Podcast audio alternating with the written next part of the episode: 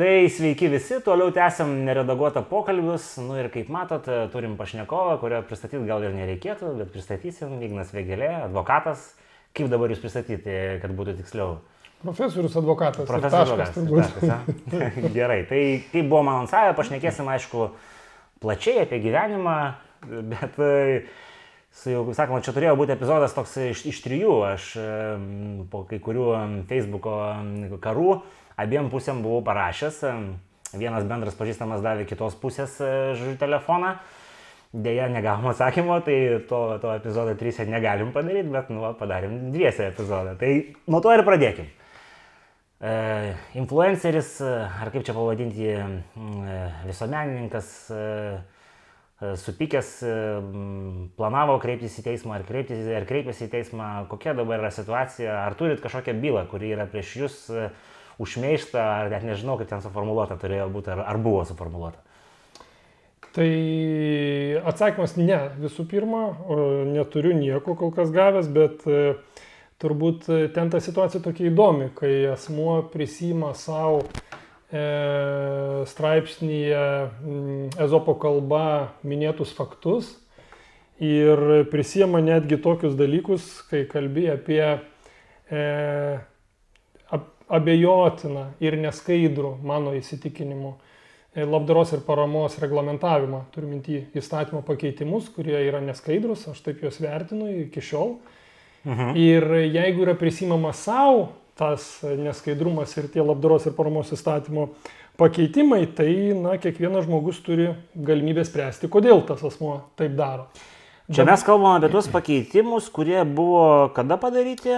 Jie buvo du kartus daryti, tai yra pandeminiai pakeitimai ir mhm. -huh. po to buvo daryti ir Ukrainos pakeitimai, tie reiškia karo mhm. akivaizdoje. Tai, Nes pandeminiai, tai man atrodo, buvo daryti gruodžio mėnesį 2021 metų, jeigu aš teisingai. Aš bijau pasakyti tiksliai, bet taip, buvo pandeminiai pakeitimai, kurie leido e, skirti paramą fiziniam asmeniui.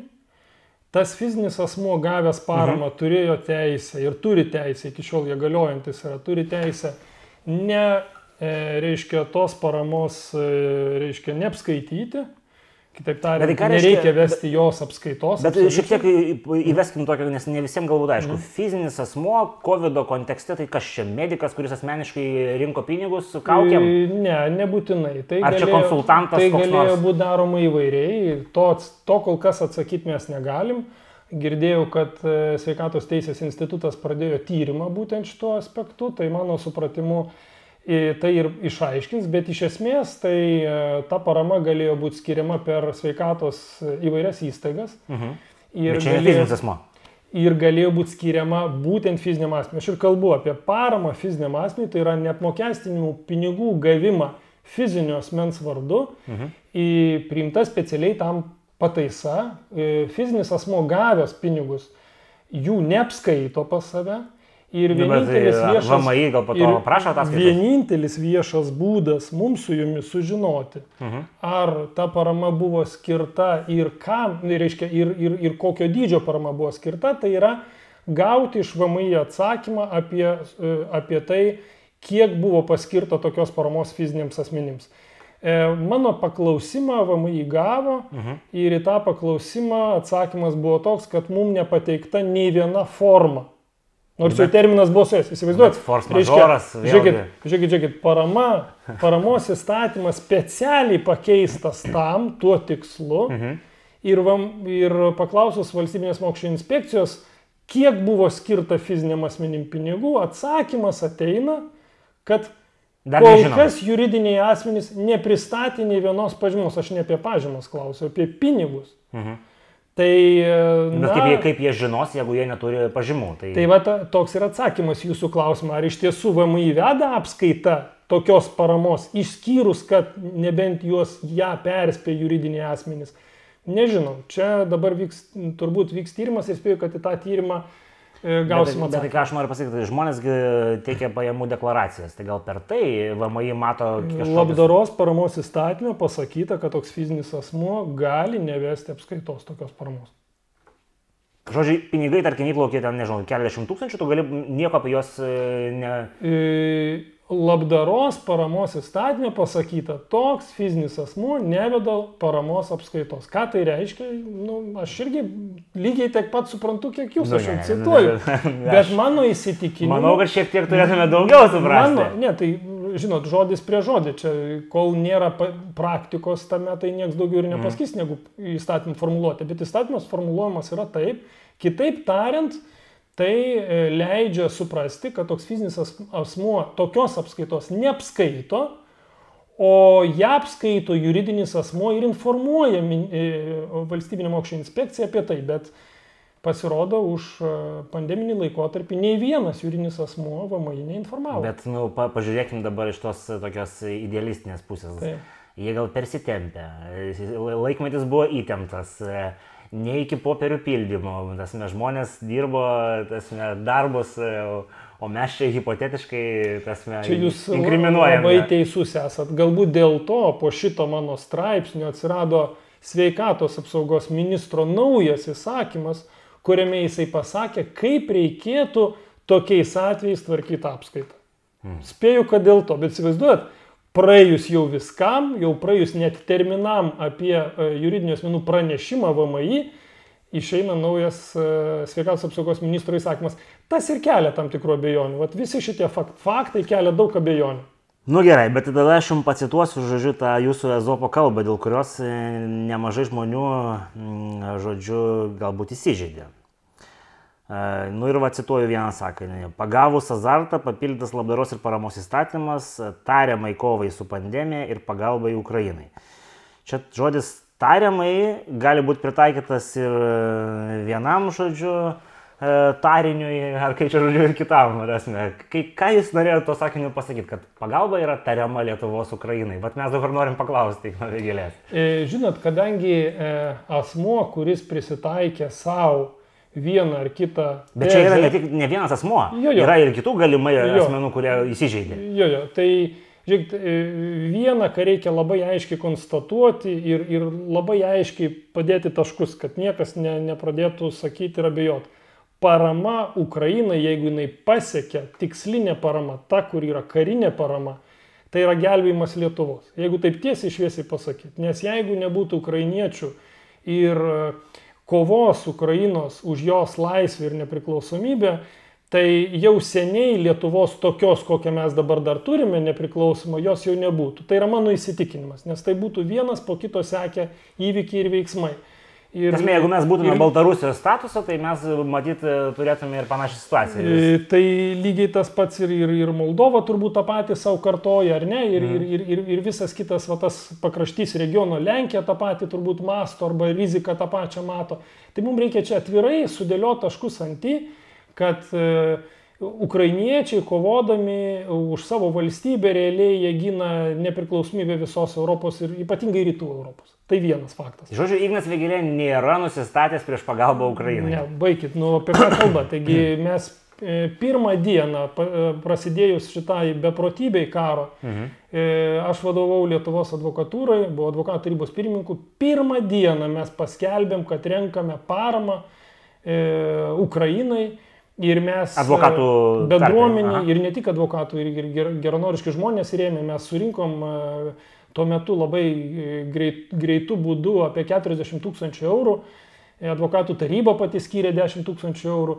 Ir mes e, nusintėm, kaip mes įsivaizdavom, skaidriausiam ir aiškiausiam gavėjam, tai yra, e, reiškia, Raudonajam kryžiui, humanitariniam tikslam, kad būtų skirta, nes tai... Nu, tai, Raud- yra- Raudonasis kryžius e, tų Ir- šešių mėnesių kontekste yra šiek tiek pakitusi jo. Nu, tiesa, bet tuo metu humanitariniams tikslams paskirti reikia kažkam, nes mm. mintis buvo tokia, reikia dalį skirti humanitariniam tikslam, dalį skirti kariniam tikslam. Mes visą gautą paramą pjovėm per pusę, dalį Raudonajam kryžiui, nes tai yra vienintelė institucija, kurią tuo metu galima buvo surasti, reiškia, e, Ukrainai. e, Ukrainai, kad humanitariniam tikslam paskirti. Ir antrą e, dalį mes nusintėm e, Ukrainos nacionalinio banko atidarytai sąskaitai į Vokietiją, tam, kad jie galėtų konkreti sąskaita, tam, kad būtų gynybiniai e, Ukrainos, e, reiškia, pajėgumai stiprinami. Viskas. Mes padarėm skaidriausią, aiškiausią, atviriausią veiksmą ir mano įstikinimu tai yra Tai buvo kiekvieno mūsų pareiga. Tai kalbėti apie tai, kad e, parama yra ten bloga, ar taip, ar nereikia, reikia ir tai yra gerai, kas vyksta. Klausimas yra kitas, klausimas yra, e, ar visa parama yra skaidri, ar tie, kas renka tą paramą iš tiesų, ją nusinčia ten, kur jinai reikalinga, čia apie tai greičiau reikėtų kelti klausimą. Nu, bet žiūrėkite, didieji rinkėjai, aš kalbu apie ten Blue Yellow, tą patį influencerį, su kuriuo jūs turite dalykiškus, draugiškus santykius ir, ir, ir kitus smulkesnius, žodžiu, iniciatyvas rėmimo, jiegi dažniausiai surenka pinigus, tai būna VŠI dažniausiai Lietuvoje ir po to jie perka ginklus arba kažkokiam kariuomenės daliniui Ukrainoje pristato, žodžiu, nu, tam, dažniausiai tai būna inventorių. Ar jūs matot kažkokias kitas e, schemas ir technikas? E, aš mielai atsakyčiau jūsų klausimą, bet į šitą klausimą pasiliksiu dar atsakymą viduje. Turiu į bent penkis ar septynis punktus atsakymą. Įsivaizduokit, dabar žiūri koks nors o... Jonas Okmanas iš Blue Yellow. Jo, ką jis galvoja apie kodėl, kodėl e, ponas Okmanas nesureagavo į mano tekstą? Sureagavo tik tai vienas asmuo. Tai aš palauksiu. Daugiau, daugiau žinokit, sureagavo, bet. E, tai jo, aš palauksiu to asmens veiksmų, jeigu jie bus, kaip jisai paskelbė. Jeigu mhm. jis paskelbė, tai vadinasi, kažkokie veiksmai bus ir jisai suplanavęs kažkokius veiksmus daryti teisinius. Ir tada jau teisiniam priemonėm atsakysiu. Bet uh, tai, ką rodė, tai, ką, uh, kokie faktai paaiškėjo po to, mm, po jau šito straipsnio ir, ir, ir per, per, per televizijas net buvo rodomi Tai jie daug abejonių iš tiesų, kurios buvo keliamos ir mano paties e, tas pačias abejonės kelia. Nu gerai, dar vieną sakinį iš jūsų ezopo kalbos ir tada šitą reikalą paliksim e, ateičiai, pratesimui. E, čia pats galas jūsų tos, e, to žodžiu buvo išstojimo, kuris buvo po to ir pakartotas pas jūs Facebook'e. Gal nebuvo jokios paramos, tas pats ir su pagalba Ukrainai, čia klaustukai buvo atviras ir viešas klausimas, ar VMI nubaudė kokią įstaigą įmonę, gal girdėjome apie patikrinimus, nebaikit kam gavai labdaros ir į užsienį pokerio žaisti. Žiūrėk ir išloš čia labdaringus pinigus tas paskutiniai du sakiniai, žodžiu, ar jūs tikrai manote, kad e, tas asmo, kuris e, galimai su jumis bilinėsis, yra toks, e, nu, nežinau, tasme, neapdairus, kad su labdaros pinigais eitų pokerio žaisti? O jūs galite paskaityti šito paragrafo pačią pirmąjį sakinį. Patį patį pirmąjį. Ir čia bus atsakymas. Aš spėjau, kad aš šiandien užsiskrinšuotinau. Tai aš, jūs galite man, galit man priminti. O finansų ministerija Lietuvoje žaidžia pokerį. Tai yra pirmas A, buvo, pastraipos buvo, buvo, buvo, ten toksai, žodžiu. Tai yra atsakymas. O, o ką, ką reiškia finansų ministerija žaidžia pokerį? Čia, čia... Ir visa ta pastraipa buvo parodyta, mano supratimu, kaip yra formuluotas labdaros paramos įstatymas, mm. kokios yra pataisos padarytos. Ir visur buvo pavyzdžių daug apie pokerį toje pastraipoje, tarp kitko, ten net ir... Ar jūs buvo... įstringas pokerio žaidėjas? Aš visai jo neišmanau, bet aš, aš panaršiau internetą ir pabandžiau surasti keletą frazių ir keletą ten tų kortų dėlionių, kurios atitiktų mano tekstą. Mm. Tai ten eina viena apie tai. Tai dabar nežinau, kodėl fizinis asmuo savo pristaikė, kai kalbėjo apie juridinį asmenį, bet sakau, daug atsakymų bus turbūt pateikta, jeigu kai tas asmuo e, darys kažkokius teisinius veiksmus, kuriuos grasinosi padaryti. Tai kaip suprantu, nuo to laiko, kai asmuo viešai fundraisino teisiniai kampanijai, nieko e, juridiškai neįvyko, jūs negavote kokio nors šaukimo ar ten kažko žodžio. E, jokių būdų aš jo neskatinu taip elgtis, bet kol kas tikrai nieko negavau. Supratau. Tai čia vad dar paimsiu vieną klausimą, kuris buvo iš, iš e, patrono kodėl paskleidus neteisingą informaciją apie tai, kokias formas paramai rinkėjai turi pateikti VMI, nebuvo viešai atsiprašyta. Tai nebuvo klaidingos informacijos, aš taip suprantu. Tai Nes ten buvo aš, daug diskusijų ar jo, jo, formos pavadinimas. Tai aš, aš dar, kartą, dar kartą labai aiškiai pasakysiu. Mano tekste, kuris buvo ginčiamas apskritai apie formos apskritai apie formas ten nekalbėjau. Bet buvo kažkoks postas jūsų, kur jūs kalbėjote apie formas. E, Tai buvo valstybinės mokesčių inspekcijos atsakymas į mano paklausimą. O mano paklausimas skambėjo taip, dar kartą kartoju, tai buvo labai paprastas ir aiškus. Kiek pinigų gavo fiziniai asmenys Lietuvoje pagal labdaros paramos įstatymo tokį tai straipsnį. Tai yra pandeminių pinigų. Mm. VMI atsakymas tokios formos nepateikta. Tai dabar, nu, žinai, kai klausi, ar pas jūs stovi ant stalo printeris, o jūs pasakote tikrai ant stalo televizoriaus nėra, nu tai nu, toks yra atsakymas. Gerai, tai palikim šitas e, temas, e, manau, ateičiai čia buvo dar keli klausimai, bet e, visgi sutarėm, kad dar kadangi nepradėta yra prieš jūs jokia veikla, nu, tai manau bus, bus progų. Tai pašnekėkim tada apie tokius kitus, vat, sakykim taip, asmenys, kurie jūs daugiau followina pastarosius, nežinau, metus ar kiek laiko. Nu, jūs aktyviai reiškitės va, šitame etape, kurį vat, ką tik aptarėm, po to buvo pandeminis laikotarpis, dar buvo nelegalų krizė. Tai vat, vienas iš klausimų, kuri, kuri, kuris buvo, žodžiu, ką e, advokatas Ignas Vėgėlė galvoja apie situaciją su tais e, turistais, pabėgėliais, nelegalais, net nežinau, kaip juos teisingai pavadinti, žodžiu, ekonominiais migrantais, e, su kuriais mes kai kurių politikų teigimu ir ne tik politikų elgiamės neteisingai, žodžiu, at kaip jūs matot va, šitą situaciją, nes nu, čia yra vienas iš tų rezonansinių įvykių, kuris vyko, sakykim, taip per pastarosius metus.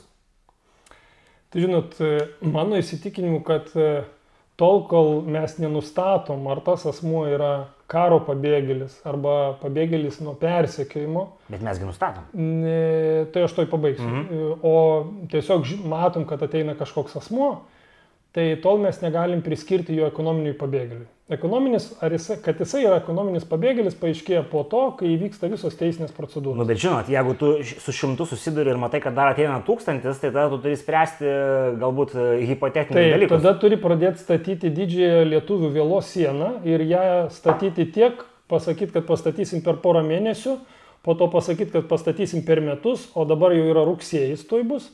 Ir bet aš kaip suprantu, siena rugsėjai pakankamai statosi. Turi, Bet jin jau turėjo būti pastatyta. Nu, dar ne rugsėjas. Paskaitykite, kas buvo teigiama, apie kokį rugsėjį kalbame, kai net stebėjimo, vaizdo stebėjimo, e, reiškia, įrenginiai sienoje su Baltarusija dengia 50-60 procentų. Nu, pas, paskutiniam pokalbį, kurį aš turėjau su NSGK pirmininku, jisai teigia, kad netokie skaičiai yra likę, žodžiu. Nu, tai aš e, prieš 10 dienų skaičiau e, VARA ministrės Mhm. Tai kuo tikėt? Nu, šiuo atveju pasikliauna VARA ministrai, čia yra jos. Uh, ar 55 ar 60 procentų stebėjimo įrenginių sienoje su Baltarusija. Bet gal vėlai jau yra 85 ar 90. Irgi to negirdėjau, kad tokia, toks procentas būtų vėlos. Mm, gerai, mes šitą užklausim Laurino Kašūną tai, ir tai, išsiaiškinsim. Bet, bet mes čia nuėjome į tas, tas, tas jo, vėlas ir taip toliau. Tai visų pirma, pati pradinė Lietuvos reakcija mano, buvo visiškai, mano įstikinimu buvo visiškai netinkama. Čia įvardinkim ją, kad būtų aišku, kokia ta reakcija. Kai buvo įsileista ir, ir kai buvo leidžiama ir čia mes priėmėm visus pabėgėlius, tada jau kai mes juos priėmėm ir juos e, su, su Frontexu čia nais e, padėjome, reiškia, Lietuvoje, tai jeigu mes ir tas buvo, jūs girdėjot, iš, iš, iš to paties asmens buvo nuskambėję, a ne jo, atsiprašau, iš krašto apsaugos ministro nuskambėjo, kad mes Tie du asmenys nėra vienas ir tas pats. Jo, jo, iš, iš jo buvo nuskambėję, kad mes tyčia įsileidom juos, nu, kad, kad mums padėtų Europą. Tai jeigu mes juos tyčia įsileidom, tai būkim mėly ir nu, sudarykim ne, sąlygas tokias, kokias. Čia tokia labai jau drastiška interpretacija. Aš girdėjau, kad mes privalėjom pagal kažkokį ten kvotų Europos Sąjungos. Ne, ne, ne, ne. Ten buvo labai aiškiai tarp žinių radijui pasakyta, kad nu, prisimenu, įsileidome tam, kad galėtumėm po to iš Europos Sąjungos, reiškia, kad mhm. atkreipdėmės ir taip toliau.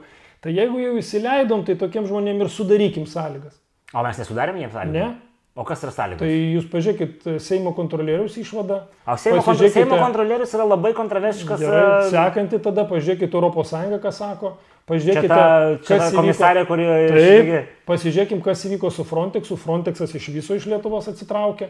Tu žinai, per daug dedamųjų. Jeigu būtų vienas faktas, nu, žiūrėk, mes galėtume sakyti, kad visi blogi, o vienas mes geri. Aš, Bet, aš, noriu, aš, aš noriu tokį ekskursą. Taip tas asmo, kuris apie komisaras, komisarė, labai specifinių politinių pažiūrų ir politinės istorijos. Tas menų jos politinė karjera yra tokia, sakykime, leftizmo, žodžiu, tam, tam arealė klaidžianti.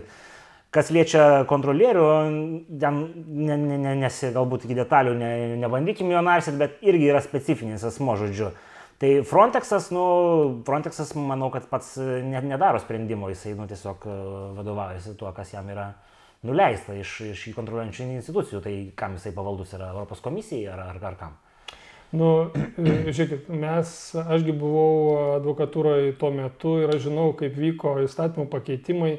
Realiai visi nukreipti į tai, kad e, visi šitie žmonės neturėtų galimybės na, apsiginti realiai, sumažinti ir terminai, padaryta sudėtinga valstybės garantuojamos, reiškia, pagalbos procedūra, kad jie negautų. Ir vėl čia... Tai, tai kaip, kaip jūsų manimų reikėjo daryti? Gal aš paklausiu taip klausimą. Tai pirmas dalykas, aš taip sakau, jeigu padarėm tokį sprendimą, kad įsileidom mhm. ir leidom ateiti čia ir, ir, ir vos netyčia tai padarėm, tai būkim mėly ir sudarykim sąlygas tiem žmonėm. Klausimas, ar tą reikėjo, tai nu, veiksmų yra įvairių. Vienos valstybės E, leidžia praeiti pro sieną ir sako, kad visa Europa yra toliau, žiūrėkit, nieks šitoje Lietuvoje neužsilaiko. Bet mes, e, e jeigu mes esame atsakingi ES e, nariai, mes negalim. Tai padaryti. mes labai norėjom būti atsakingi, bet dabar tokie neatsakingi, kad mus kritikuoja Europos komisija ir Frontexas net atsitraukos, tai ar mes tikrai atsakingi? Nu, bet ar, ar mus kritikuoja kokie nors Lenkai ar dar kažkokios valstybės už šitą? Bet, nu, tai, bet, bet mūsų kritikuoja Europos komisija, kur yra turbūt svarbiausia, tai yra atstovas vyriausybė ES, jeigu taip grubiai grubiai pasakyti. Nu, jau čia, tai mes jau, elgiamės, jau čia, toks, tai, sakyčiau, nu, taip, biški pritemtas, bet... Ne, ne, palaukit, nu, labai stipriai. Nu, yra dalykai, kuriuos sprendžia Europos čia, komisija, yra dalykai, kurie yra valstybių jurisdikcija. Jokių, nieko panašaus. Nieko panašaus. Pabėgėlių teisė yra visa tarptautinė ir visa ES teisė. Mm. Nieko panašaus. Ta prasme, tai čia net kalbų nėra. Bet precedentai, čia tarkim, kaip elgėsi, pavyzdžiui, kokie nors vengrai, lenkai. Taip, bet jie neregistruoja pabėgėlių ir to ekonominių migrantų mm. valstybei pas save. Tai dabar žiūrėkit, kas atsitinka. Tai atsitinka labai paprastas dalykas. Įleidom tos 3000, ne? Juos šiandien suregistravom. Frontexas beje padėjo mums juos suregistruoti. Kiekvienas, reiškia, turi registraciją, taip toliau, taip toliau. Dabar toks atsidurs Vokietijoje. Ne? Kas Jis bus grėžinamas į Lietuvą. Prašau. Tai gerai, protingai čia, jeigu, jeigu jau taip labai politiškai žiūrėt, kad ponas tai Kasčiūnas daro... Jūs būtumėte siūlęs neregistruoti ir laikyti ne, tai, juos inkognito. Žiūrėkit, aš nesiūlau nieko, aš nesu politikas, aš neturiu tuo metu ėjęs pareigas, aš neturiu net ir įgaliojimų ir informacijos pakankamai, kad tą sakyti. Bet valstybės elgesi įvairiai. Vienos praleidžia pravažiuoti, vengrai vos ne autobusą pastato ten ir perveža per sieną, per visą teritoriją, sako, važiuok, eik toliau. Vienas variantas. Antras variantas yra toks, kokį vėliau pavėluodama po 3000 Lietuva pradėjo e, taikyti, tai taikyti atstumimo politiką, tą, ką daro ir Lenkai. Tik jie tai darė nuo pradžių. Jo, tik jie tai darė nuo pradžių, o mes įsileidom 3000. Vat ir yra kalba, apie tuos 3000 dabar mes kalbam. Tai kai sakom, kad mes vat, norim būti, vat, mūsų Europoje nekritikuoja, kritikuoja ir labai stipriai. Už šitus žmogaus teisų pažeidimus, kuriuos mes vykdom, kritikuoja. Neįsileisk, nekritikuos. Arba pervešk, Tai bus pažeidimas tam tikras, aš nesiginčiu, bet jisai nebus toks ryškus, kokį mes darom dabar. Ok, išsiaiškinom. Tai žodžiu, esminė problema, kad nenusekliai mes elgiamės šio klausimu. Absoliučiai nenusekliai elgiamės ir, e, reiškia, pasielgiam politiškai, tai jeigu jau pasielgiam politiškai, kaip atrodė, kad reikia atkreipti dėmesį, tada dar kartą kartoju, tada tiem asmenim, kurie čia pakliuvo, tai suteikit tas sąlygas, kurias reikalauja suteikti ES. Nes jiem nesuteiktos jos buvo. Nu, nesuteiktos nei teisė į gynybą, nei reiškia įvairios socialinės garantijos. Aš suprantu, kad dabar kažkoks žiūrovas piktinasi, va, ir aš ten, aš, man dar blogiau, ir aš dar blogesnė situacija. Nu, žiūrėkit, yra ES teisė ir arba mes tada neįsileidžiam tų 3000 ir galėjom įvairiai žaisti, kaip žaidė vengrai, kaip žaidė kiti, Arba mes tada, jeigu jau padarėm tokį veiksmą ir jau norim laikytis ES teisės, įrodom, mes laikomės, mes žiūrėkime, tai iki galo laikykimės. Čia ten laikaus, čia nesilaikau, toks, nu, toks. Bet kai jūs sakot, ne, nesuteikta teisė į gynybą, tai nu, advokatų jie negavo žodžiu. Taip, ar... yra labai prasta advokato atranka, vienareikšmiškai. E, advokatus atrenka ta pati institucija, kurios veiksmą reikia skirti, e, skūsti. Jūs galite įsivaizduoti tokį dalyką? Nu, galim įsivaizduoti. Jūs atrinktumėt advokatą, kurį aš samdyčiau prieš jūs. Jūs galite tokį vat, schemą įsivaizduoti. Tai viską atsako. Viską atsako į klausimą šitas dalykas. Tai vėl grįžtam prie to, kad e, norint, kad viskas būtų nusekliai, reikėjo padaryti tvarkingai ir tada niekas nebūtų prisiknicinėję. Nu, galų galiai. Bet, bet fundamentaliai jūs nesat e, šalininkas to, kad e, Lietuvoje turėtų bastyti su ordos ekonominių pabėgėlių. Ne, nu tai vienareikšmiškai, kad reikia visų pirma pažiūrėti į mūsų gyventojus. Tai jeigu mes pradėsim aplinkui visiems, visus gelbėti, kai mes savų negalim išgelbėti Ir tai turbūt mes nueisim nu, visiškai į kitą pusę. Beje, mano supratimu, kartais valdžia taip elgesi. Ir tas yra labai skausminga ir skaudu, kai, žinai, savoj, savoj čia liaudė ta patarlė, savoj vištydė, žinot, tai vat, savų mes nematom, matom daugiau tuos, kuriem reikia padėti e, kažkur kitur. Tai visų pirma, savim reikia padėti. Gerai, čia perėsim dar prie to, žodžiu, kaip sakyti, čapterio, kur Ignas Vėgelė politikas, bet kol kas dar... Čia ne politika, čia mano yra įsitikinimai. Tikrai labai mm. ir labai nuoširdus. Visą gyvenimą tą dariau ir, ir, ir įrašydamas tą taip darau, bet tokiai. Gerai, tai tada aišku yra dar viena tema, kuri čia ilgą laiką buvo dominuojanti ir kalbu apie pandemijos e, visą tą valdymą Lietuvoje. Dabar mes jau žinom, kad tarkim, toj pačioj JAF agentūra, kuri buvo atsakinga, pripažino, kad jinai padarė daug klaidų, žodžiu. E, kaip Jūs manot dabar taip retrospektyviai Lietuvos situaciją, kaip ją būtų galima įvertinti, per daug neįsiplečiant į niuansus ir E, buvo klausimas, nu, o jeigu šitas reikalas grįž, e, tai kaip, kaip viskas vystysis, kaip jums atrodo? Jūs turite minti pandemijos valdymą? Taip, pandemijos valdymą. Ja. Tai manau, kad tiek prišnekėta buvo praeitais metais, kad e, turbūt nuo becelės pradėti nereikėtų. Bet, ne, nuo becelės nepradėkime, aš tiesiog pagrindinius taškus, ar ne? Tai aš esu įsitikinęs, kaip ir buvau, taip ir dabar, kad pandemija buvo valdoma pažydžiant žmogaus teisės ir laisvės, Tai buvo kertinis dalykas, ko nebuvo galima daryti. Tai yra skirstant asmenis e, į vienus ir kitus, sudarant skirtingas jiems sąlygas. Ir e, kaip rodo dabar jau praktika, kaip rodo ir, ir Junktinio Amerikos valstybių patirtis, žinot, Faučio atsistatydina pats ar ne Amerikos pagrindinis reguliuotojo vadovas, būtent patarėjas prezidento, reiškia, sveikatos apsaugoje ir, ir visą tą pandemiją. Abiejų prezidentų, ne abiejų, teisingai, kurie teisingai, buvo per pandemiją. Visai aštuonių, man atrodo, ar septynių ar aštuonių prezidentų patarėjas buvo. 30 kiek ten aštuonis ar kiek jis metų yra toj, toj tarnyboje. Tai, tai iš tiesų rodo, kad e, jau ir JAV e, mato akivaizdžiai, kad e, tai buvo perlenkta lasda, kad tai buvo neteisėti veikimai tam tikrai, reikia trauktis nuo tos politikos.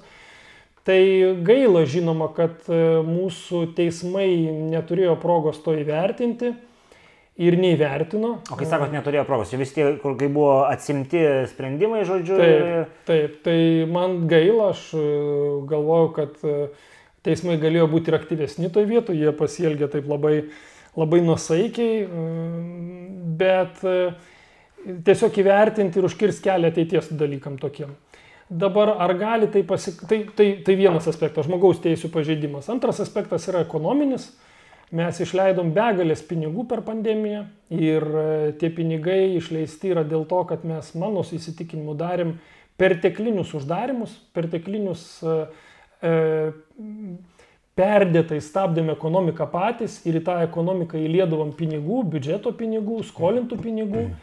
Ir e, todėl dabar, kai ateina tikri išbandymai, e, karas Ukrainoje ir, ir, ir grėsmė Lietuvos nacionaliniam saugumui karinė prasme, ne tik ekonominė, bet ir karinė prasme, jinai nuolat yra lengvesnė, mes dabar vasarą atrodo, kad nieko nevyksta. Ne, nu, karinė grėsmė, matyt, yra šiek tiek, e, suprantam visi, kad daugiau daugiausia kas galėtų nutikti artimiausiu metu, tai atskris raketos vieną kitą žodžiu.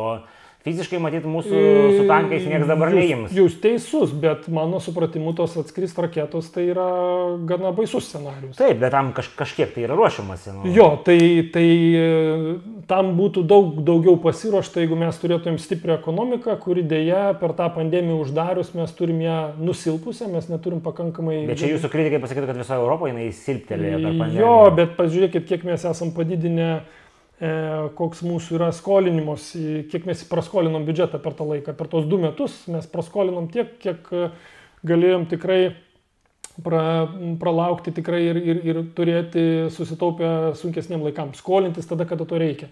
Nes va dabar, kai reikės ir kai ekonomika kris rudenį, Dabar jau pinigų Na, tada, neturės. Tada irgi atrodė, kad reikia ir niekas nežinojo, kad po, ne, po, po tada, metų. Tada tas, tas priverstinis galimybių paso taikymas, žmonių vertimas ir stabdymas ekonomikos buvo akivaizdžiai perdėtas ir nereikalingas ir dėl to mes turim tokį rezultatą. Turim žmogaus teisėm ir laisvių pakirstą pasitikėjimą, valdžios pasitikėjimas pakirstas, kad jinai negeba e, e, išlaikyti žmogaus teisų ir laisvių aukštam, aukštos apsaugos lygyje. Antra, mes turime ekonomikoje na, didžiulį ženklų išskolinimą ir turime biudžetą, kuris yra dabar jau įtemptas. Tai tokias turim dvi esminės pasiekmes.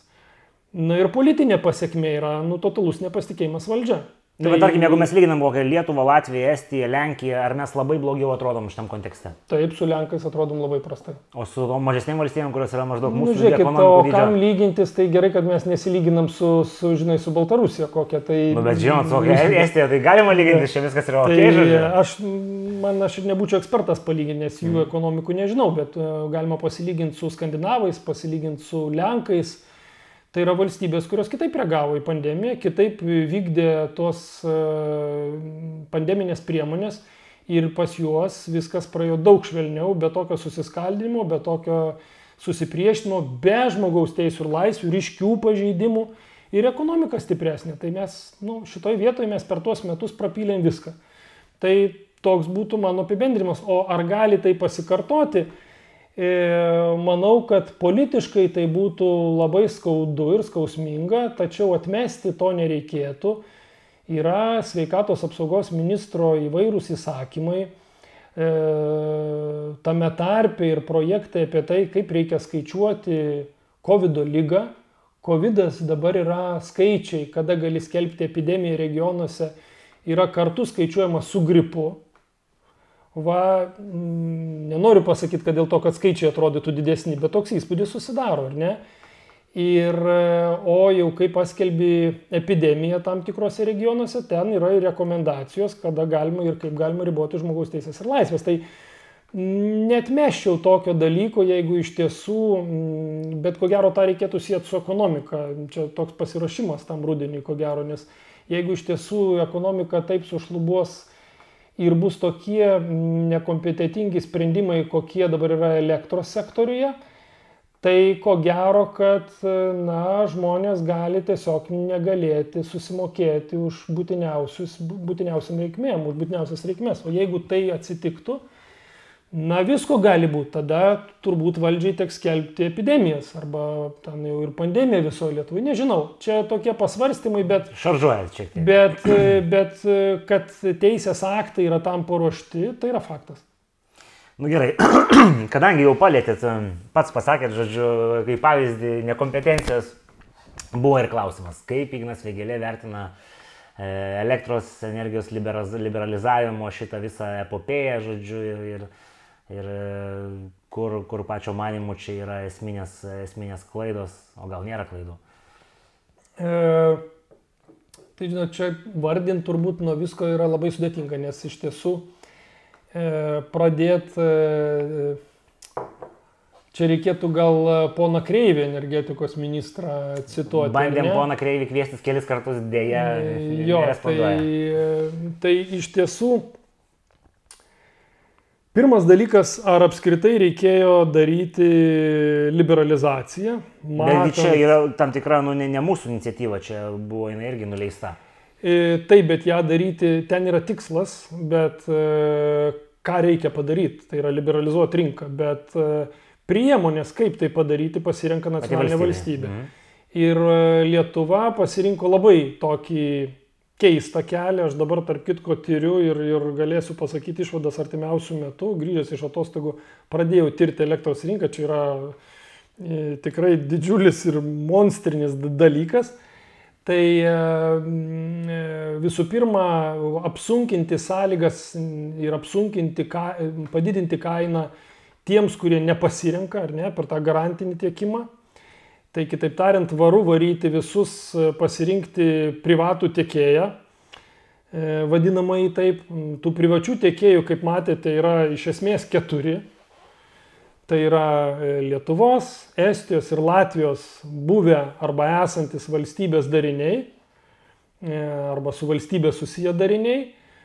Tie jau gigantai reiškia. Na ir šalia to atsiranda Perlas energija, UAB tai kuri paima beveik 15 procentų visos rinkos. Tai dabar mano supratimu tai buvo klaida elgtis tokiu būdu, kad prievarta versti pasirinkti tiekėją, tai galima buvo padaryti daug švelniau, be prievartos, įtikinėjimų. Jeigu žmonės būtų nieko nedarę, taip ir likę. Tai tam ir yra rinka, kad kiekvienas energijos tiekėjas ateitų pas vartotoją ir pasakytų, o mano kaina yra geresnė. Dabargi kas padaryta yra suveikta visiškai priešingai. Įsivaizduot, man čia iš viso oksimoronas yra. liberalizuoti rinką per prievartą. Žinot, nu šiaip liberalizmas ir liberali sako, kad turi būti laisvė pasirinkti, ne? O čia jums atvirkščiai sako, ne, ne, nesirink to, pas kurį tu sėdi, nes jis dabar mes jį specialiai padarysim brangesnį, eik pas aną. Tai, nu, čia, čia nesuvokime. Tai vienas aspektas. Antras aspektas yra paramos dalykai dabar va kaip tik tyriu, pažadėjimas, kad tie, kurie pasirinks, dar jie gaus ir reiškia ten nuolaidą. E, Galvoju, sakysite, alaus ir miltelių.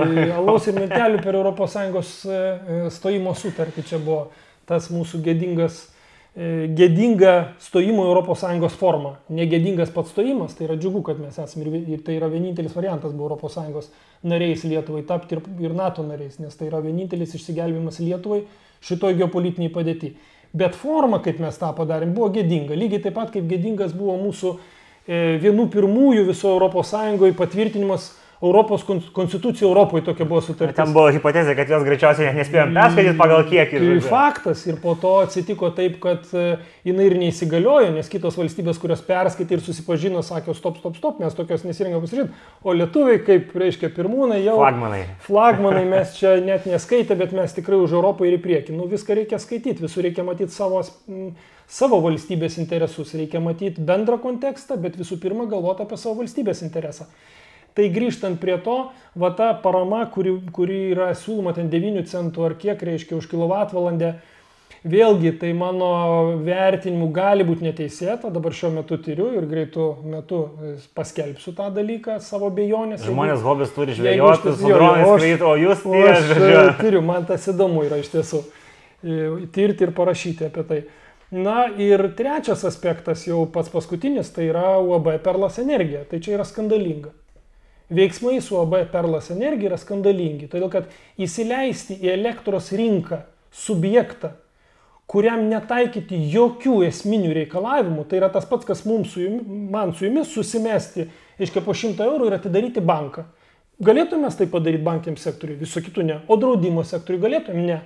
O į rinką liberalizuota, reiškia elektros rinka, kurią prievarta valstybė stumia visus mus, įsileidžiamas subjektas, kuris e, neturi jokių santykių. Tai žinot, aš jokiais visada kartoju vieną frazę, Vat visai nesnei man tokia mintis kilo ir visada ją kartoju. Žiūrėkit, pas mus yra fantastinė valstybė. Pas mus e, didžiąją vėlos e, lietuvių sieną stato energetikos, su energetika susijusi įmonė. Nu, viena iš energetikos įmonių, taip? O energetikoje veikia pinigų ir, reiškia, lošimo ir, ir, ir reiškia, e, lošimų įmonės užsiimančios. Ne, nu, vad, pažiūrėkit, kokią fantastišką turim valstybę. Tai va čia yra klaida. Ir įdomiausia dabar yra, kas vyksta e, vat, dabartiniam e, kontekste, tai vėl ieškojimas kaltų. Nu kas kaltas dabar už tai? Nu, AB Perlas energija kalta ne valstybė, kurį įsileido. Man, man atrodo, kad jau yra daita iki to, kad kaltas žmogus, kuris pasirinko Lietuvos ne, tai čia šito, perlas energiją. Žiūrėkit, šito aš net nekomentuoju. Man įdomu, ar tas žmogus, kuris tai pasakė, yra paskaitęs e, e, elektros energijos, energetikos įstatymą. Antram straipsnį yra 110 savokų. 111 savokų, kurių trečdalis turbūt, nu, nemaža dalis yra nuorodos į ES teisės aktus. Tai šitas žmogus siūlo vartotojams, paskai, reiškia, skaityti ir suvokti e, elektros energijos įstatymą, siūlo galbūt paskaityti direktyvas visas ir, ir teisės aktus ES, po įstatyminius teisės aktus, kurių yra dešimtis, ir dar suderinti juos su savo sutartimi, ir dar ko gero paskaityti ir pasižiūrėti registrų centre, o ar finansiškai pajėgytas su OB Perlas energija. Nu, baigi, taip nevyksta. Valstybė tam mes ir sukūrėm, kad valstybė prižiūrėtų, beje, tam pačiam energetikos įstatymė ir parašyta. E, finansų, e, reiškia, energetikos ministerija, vyriausybė ir, e, ir reiškia, taryba kainų prižiūri rinką, užtikrina vartotojų apsaugą aukščiausią, užtikrina vartotojų apsaugos įgyvendinimo mechanizmus įvairiausius. Įstatymė tas yra įtvirtinta. Ką mes dabar darom? Mes sakom, UAB Perlas energijos kalta. Jis kalta tiek, kiek siekia pelno, nes kiekvienas UAB siekia pelno. Ir jeigu ją įleido į rinką, jinai veikia toj rinkoje. Jeigu jinai mato, kad toliau veikdama turės nuostolį arba toj bankrutuos, jinai iš rinkos pasitraukia. Jinai kalta yra tiek, kiek ją reikėtų pritaikyti civilinės atsakomybės sąlygas. Ir tiek. O kas vyksta? O vyksta labai įdomus dalykai. E, kažkas iš valstybininkų, reiškia, pasikreipia į prokuratūrą. Prokuratūra puola tirti, ką UAB Perlas energija padarė. Prokuratūra kitur turėtų tirti kas tinkamai veikia ir ar tinkamai veikia atitinkamoje srity. Nes tam reikia, na, tam mes turim valstybę. Nes tada mums valstybės nereikia, jeigu bet kas gali į rinką įeiti. Tai žodžiu, jūsų manimu čia, jeigu tai supaprastinant, visa kaltė krenta atitinkamai ministerijai, vyriausybei, kuri, kuri turėjo, žodžiu. UAB Perlas energija atveju esu įsitikinęs, kad taip, Tai yra ne tai, kad kaltė, čia dabar kaltų e, paieškos, žinai, ar, ar jos reikalingos. Čia klausimas yra, e, ką dabar, e, kaip dabar reaguoti ir kaip dabar iš tos situacijos išeiti. Nes žmonės sudarė sutartis, jie įsitikinę, kad turi gauti elektros energiją už atitinkamą kainą. Pasigirsta kalbos, kad galbūt valstybė finansuos, reiškia kompensuos. UAB Perlas energija pati sako, mes kompensuosim, reiškia tai Pasigirsta ekonomistai, sako, jokių būdų nekompensuokim, nes mes negalim pravalgyti Lietuvos biudžeto, patys vartotojai kalti. Baikit, vartotojai nėra kalti. Čia tas pats, kas e, banka, kai įkūrė 100 tūkstančių bankas turi draudimo fondą, ar ne? 100 tūkstančių ir apsaugoti pinigai, kurie yra saugomi fonde. Taip pat ir čia lygiai tas pats turėjo būti. Turėjo užtikrinti, kad toks suabas kaip Perlas Energija turi patirtį toje rinkoje, veiks dar ilgus metus, kad gali pateikti, žinot, Nu, bet žinot, aš... banko atveju tas, kuris turėjo 2 milijonus, gal labai nepatenkintas būtų, kad tik 100 tūkstančių yra apsaugota. Bet tai yra minimalus. Ir tai tenkina turbūt pačią jautriausią visuomenės dalį. E, turtingas žmogus išsisuks, susidėlios savo rizikas, o tas, kuriam yra labai sunku, jam kiekvienas e, šimtas eurų yra svarbus. Tai čia kalba eina apie tuos ir valstybė jiem užtikrina sąlygas. Bankiniam sektoriui nustato va tokias sąlygas. Čia kas yra padaryta, tai yra, žinot, man tai UAB Perlas energija, šiaip ne, nu, ne, negaliu nieko sakyti, bet man toks juokas visada yra, žinai, nu, man tai čia toks kaip lošimų, e, žinai, padaryta tokia elementari lošimų schema, reiškia, e, susimetam pinigus, valstybė leidžia į rinką, nu tai einam į rinką, statom ant to, kad kaina nesikeis elektros, jeigu nesikeis, uždirbsim ant tarpo, ne, ant to no. kainų skirtumo. A jeigu, reiškia, pasikeis, nu ką, nu pasikeis, tai UABas jisai yra ribotos atsakomybės, išeisim iš rinkų, valstybė nieko neprašo mūsų, jokių garantijų, nieko. Čia noriu paklausti dar ir kito klausimo, nes matant visą šitą elektros energijos rinkos specifiką, toks vaizdas atsakingesniam žmogui sudarytų, kad valstybės e, turėtų kažkaip tai jungtis į krūvą ir bandyti šitą tvarką pakeisti, nes jinai tikrai yra naudinga tam pačiam kaimynui iš rytų, kuris gali mus spausti, tasme, matydamas, žodžiu, ten, tarkim, prisukdamas pigesnius resursus ir panašiai, kad e, jeigu mes elektrą perkam pagal brangiausią gamintoją, žodžiu, tai ir čia ne, ne tik Lietuvoje tie dalykai vyksta, o mes vietoj to užsiminėjom, žodžiu, tasme, nu, lošimais, tai sakoma, Lietuvoje. Kaip jums atrodo, ar, ar, ar mūsų valdžia va čia pakankamai daro?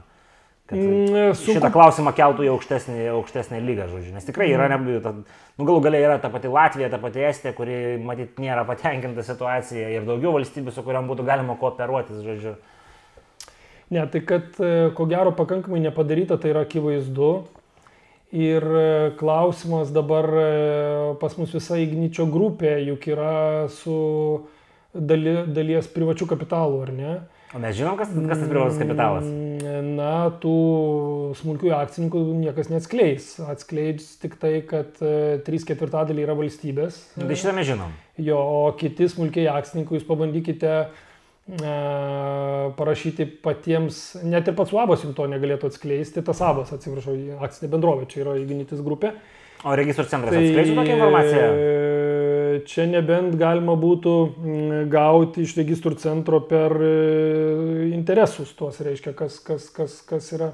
Nu, ar nėra interesų konflikto? Jo, ne, ne, ne, per tuos, e, kas iš tiesų valdo ir, ir yra ten atskira dabar e, grupė juridiniai asmenys turėjo nurodyti visus asmenys, kurie yra, reiškia, faktiniai naudos gavėjai. Tai tik vėlgi klausimas ten, ko, iki kokio dydžio jūs galėtumėte atsekti. Vat būtent, ar, ar, ar tie smulkėjai, žodžiu. Smulkiuosius, ko gero, jūs ne, ne, ne, ne, negautumėte atsakymą į, tas, į, į, į, tos, į tų smulkiųjų paklausimą. Tai žinoma, nu, knieti daugam sužinoti tos akcininkus, bet e, šitoj vietoj turbūt tai būtų sudėtinga padaryti. E, nors būtų įdomu, žinotumėm, kaip sakant, interesu. O kaip jums atrodo tokias mintis nacionalizuoti įgnyti, žodžiu, ir, ir pabaigti šitą problemą, kuri yra su jais? Mm, Gerbiamas Edvinai, nu, čia tai iš viso yra, žiūrėkit. Nu, aš tokių pasiūlymų esu girdėjęs, tai tasme. Tai čia rodytų ant tiek Lietuvos, e, nežinau, čia nežinau net kaip pavadinti, 20 metais mes jį privatizuojam iš dalies ir 20-22 nusprendžiam jį nacionalizuoti. Pamatėm, kas feilas. Tai čia yra totalus, reiškia, totalus negebėjimas valdyti. Žinoma, nu, jeigu atlikus tyrimą ir išsiaiškinus galėtum pamatyti tai, bet ar jūs įsivaizduot, kokie tai kaštai būtų valstybei, kiek mes jau patyrėme e, ir kiek sumokėti reikėtų akcininkam, ir taip toliau. Ir klausimas, ar to reikėtų, reikia labai, vėlgi, priimant tokį sprendimą, reikia labai įsitikinti, ar to iš tikrųjų reikia. Bet e, vienareikšmiškai visiems įdomu ir aš pats skaičiau, reiškia, tuos klausimus, o kas tie yra smulkiai akcininkai, tai visiems būtų įdomu sužinot, gal valstybė, o gal ir patys akcininkai išdrįstų save paviešinti, nes mano, mano supratimu šita įmonė yra na, valstybės nacionalinio saugumo įmonė ir mes e, padarėm tokį įdomų veiksmą, ją privatizuodami. Nu, valstybė tai žino. Tai, bet kadangi jinai yra valstybės nacionalinio saugumo įmonė, tai manau, e, su, su, su valstybės nacionalinio saugumu susijusi įmonė, manau, ir, ir, ir, ir, ir asmenys galėtų tai žinoti, nes nu, vis tik tai tai yra labai jautris rytis elektros energija, ypač dabar, kai jos kaina peršoka nežinia kokias sumas. Kitas dalykas, vėlgi, uh, e, tų litgrido tie viršpelniai, kurie, kurie gaunasi. Reiškia, viršpelniai jau antrą kartą, žodžiu, turiu žmogų, kuris pavartoja šitą. Nu, man tai... Ką, man... Kas yra viršpelnis, Ignai? Tasme, čia tasme, nu, žodis, kuris ne, ne, netinka tasme, šiai ekonominiai sistemai. Mm, kodėl netinka? Didelis pelnas, per didelis pelnas, bet čia jau yra nusalginiai dalykai. Žiūrėkit, aišku, aš drąsiai gal pasakiau viršpelnį, nes reikėtų tada skaičiuoti, nuo ko mes skaičiuojam, nuo ar nuo turto, koks yra, koks yra paimingumas ir koks yra pelno marža, kokia yra. Bet tai verslininkas jau pasakytų, kad geras verslo modelis, jeigu turi nežmonišką pelną. E, tai, bet Litgridas yra valstybinė įmonė, man atrodo, ar ne? Bet tai valstybė iš to gauna įplaukas. Tai dabar ne valstybė reikia gauti įplaukas, o reikia kompensuoti e, gyventojim ir verslui, kuris patiria kolosalius, kolosalius, pat, dar nepatiria, patirs žalą dėl elektros energijos. Ir labiausiai nukentės, vėlgi, stambus verslas išsisuks, labiausiai nukentės smulkus. E, smulkus verslas ir, ir dalis vidutinio. Tai čia vėlgi mes turėsim antrą pandemijos e, variantą, tik tada mes dar turėjom pinigų, kurių galėjome įlieti į, į, į, reiškia, į rinką. Dabar e, skolintų. Dabar mes ko gero to daryti negebėsim. Dar plus pridėkime ir, ir, ir Euriboro palūkanas beaugančias, ar ne? Ir JAV centrinio banko keliamas, ir ES Europos centrinio banko keliamas palūkanas ir bus keliamos, čia dar tik tai pirmas etapas yra, tai pačios paskolos kaip brangs. E, žodžiu, laukia, laukia sudėtingas ruduo, o dėja kompetencijos valdymo, na, labai labai labai dabar reikėtų, bet jos kol kas nematyti, ypač energetikos sektoriui. Nu gerai, tada pereikim prie tos antrosios dalies, vat, pasakėt, artėja sunkus ruduo, rudenį irgi ir kiti procesai įsibėgė, buvo čia, pradėkim gal tokio labiau komiško klausimo. Vienas iš mūsų sekėjų Facebook'e klausė, ar neplanuojat pasisparinguoti rinkimuose į Vilniaus merą. Aha. Tai aš sparinguodavausi 11 klasėje, man atrodo, aš tada... Jūs mėgstat sparinguotis. Lankiau e, karate ir e, tokį lankiau karate kušinkai, e, reiškia toks yra stilius, kurie, aiškiai, iš tiesų paringuojasi. Tai realiai mes jūs galėtume su, su, su, su, su Aurelijum Veryga sušaukti į krūvą ir, ir nufilmuoti sparingą, žodžiu. Taip, taip, leidžiamis paringavimais, nu tiesa, tai buvo seniai, aš jau pamiršau tą dalyką, bet tai buvo jaunystės toks, toks pokštas. Mhm. Tai e, dėl e, artimiausių planų e, kandidatuoti į, į savivaldos rinkimus aš neturiu. Ir labai abejoju, ar tas, ar tas mano apsisprendimas pasikeistų. Manau kad, manau, kad tai yra gana tvirtas jo apsisprendimas, kad savivalda, na, tegul lieka ūkiniams reikalams. Yra dar įvairiausių pasvarstymų, bet... Bet jūs ne ūkininkas. Bet, bet ne, aš, aš išmanau, išmanau, aš esu dirbęs pakankamą laiką audito bendrovėje, tai gerai išmanau finansų valdymą, pakankamai išmanau, nu, gerai nesakysiu, pakankamai išmanau, tikrai išmanau ir biudžetus, ir juos skaitau, ir finansinius popierius, esu e, teisininkas, advokatas, ilgą metą dirbu komercinėje teisėje, tai yra ir mano klientai, m, mm, turbūt 95 procentai visų klientų mano buvusių, tai yra E, tai yra ne fiziniai asmenys, o juridiniai asmenys, tai norint gerai išmanyti komercinę teisę, reikia išmanyti ir finansus. Tai aš žinau ūkį, žinau, kaip jį reikia tvarkyti, jo lab, kad yra 8 metai, 8 metai advokatūros pirmininko pareigose. Tai puiku visi plotų rankom sakytų, biudžetas. Po šimašiaus, vėgėlė, mm, sutvarkys ūkį. Tai puikus variantas. Jo, tai bet e, šitame etape aš manau, kad tai, tai, tai kol kas bent jau aš to, to to nesvarstau. Ir e, manau, kad e, galbūt mano balsas svarbesnis yra bendrai valstybės valdyme, nebūtinai ar, ir nesvarbu, ar tai yra kaip politiko, ar kaip visuomenininko, aš veikiu dabar kaip visuomenininkas, tai yra turbūt svarbiau man girdėti, matyti ir kalbėti, negu užsidaryti tarp vieno miesto sienų. Bet e, toks bent jau dabar yra apsisprendimas. Nu, gerai, tai šitą komišką klausimą atsakėm, tai dabar galim paklausti mažiau komiško klausimo, nes matyt didžioji dalis e, negalvoja apie Igną Vėgelę kaip būsimą Vilniaus merą, bet turi kitų vaizdinių. E, kokie jūsų santykiai su politika, tarkim, kaip jie pakito per pastarosius, aš prisimenu, kai mes pirmą kartą kalbėjom su jumis, e, tai buvo po tos jūsų žymiosios kalbos praėjus gal mėnesiui, tai jūs buvo toks, na, pakankamai atsargiai žiūrėjote į politinį, tasme, politinės karjeros galimybės, bet tada jūs dar buvot e, advokatūros e, vadovas, kuris, nu, matyti, negalėjo, tasme, garsiai mąstyti. Kaip, kaip keitėsi jūsų, asme, šitas visas e, santykis su, su politika per tą laiką? Žinot, aš tebe žiūriu atsargiai. Tebe žiūriu atsargiai. jo, bet e, klausimas yra toksai, visų pirma, galbūt reikėtų padėkoti visiems žmonėms už palaikymą, e, ypač palaikymą sunkiausių metų. Tai yra tada, kai teko kovoti ir, ir mm, būti vienam iš tų kovotojų, stojant prieš didžiulį smagratį politinį, kuris traiškė visus aplinkui. Mm, e, tai atsilaikyti prieš tą smagratį, prieš patyčias, prieš žeminimą, prieš e, absoliučią nekultūrą, absoliutų negebėjimą komunikuoti argumentais Tai buvo iš ties labai labai sunku, buvo labai didžiulis uždavinys. Buvo krikštas. Mm, tai buvo, na, sakyčiau, toks krikštas, kurio prieš dešimtmetį gerą Lietuvos politikoje mes neįsivaizduotumėm, nes tada dar mes e, politi, politinėme bendravime arba politiniai komunikacijai buvom išlaikę bent jau minimalę kultūrą. Buvom konservatyvesni. Dabar nėra tos kultūros absoliučiai. Mhm.